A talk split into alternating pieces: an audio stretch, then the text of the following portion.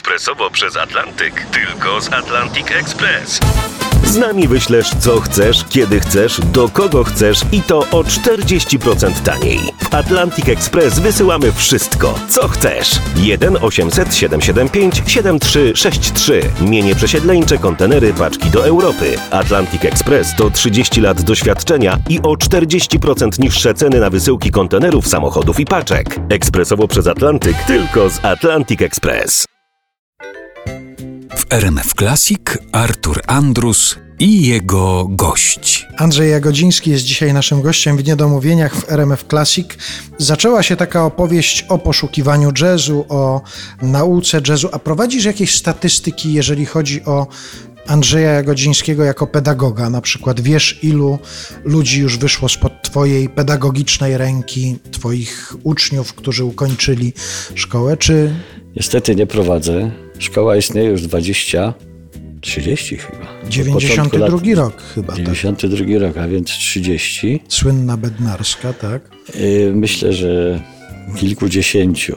Oczywiście niewielu jest na topie, niewielu weszło do pierwszej ligi, ale myślę, że nie tylko to jest zadaniem szkoły. Zadaniem szkoły jest również kształcenie, tej, podwyższanie tego średniego poziomu słuchaczy, odbiorców, ewentualnych nauczycieli następnych pokoleń. A chciałem zapytać o jednego takiego człowieka, z którym nie wiem, czy to była przygoda szkolna, ale wiem, że potem też miało to swój efekt w postaci fonograficznej.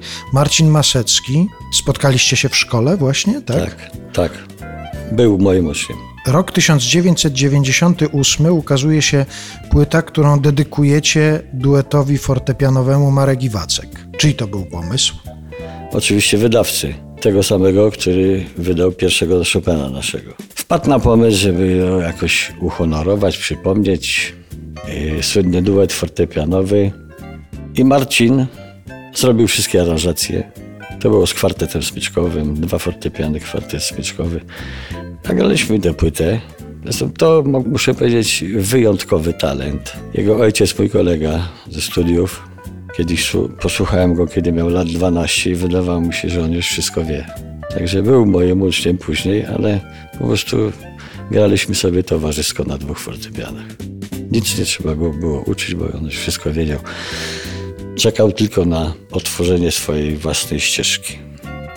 No i doczekał się. Wtedy, kiedy nagraliście tę płytę, on miał 16 lat, 98 rok.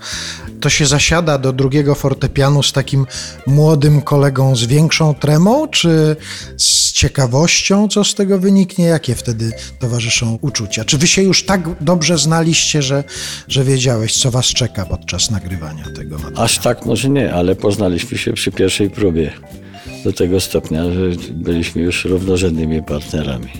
A czy z Markiem Iwackiem kiedykolwiek zdarzyło ci się na scenie spotkać? Nie, nie zdarzyło mi się nigdy, ale wiem, że w tym roku jest jakaś rocznica pewnie śmierci Wacka i jest organizowane spotkanie gdzieś pod Warszawą, gdzie będzie Tomaszewski oraz kilku pianistów i przyjaciół, Janusz Olejniczak na przykład. Tych dwóch pianistów, tam będzie spotkanie, będzie koncert, będą dwa fortepiany na scenie. Wszystko się może zdarzyć. Tribute to Marek Iwacek, e, 1998 rok. Marek Iwacek, e, Wacław Kisielewski, Marek Tomaszewski, oni te utwory, które przedstawiali już publiczności, to już były ich wariacje na temat różnych utworów. A czy wasza płyta to była wariacja na temat wariacji Marka Iwacka? Nie, te tematy, które grali oni, ale w wersji absolutnie jazzowej. Znaczy z improwizacjami, również z akompaniamentem kwartetu, jakby sekcji rytmicznej, coś takiego. Więc repertuar podobny, chociaż zupełnie inne podejście. No to może proszę posłuchać, jakie to było podejście. Marcin Masecki i Andrzej Jagodziński w roku 1998 w hołdzie Markowi Iwackowi grają kaprys Paganiniego.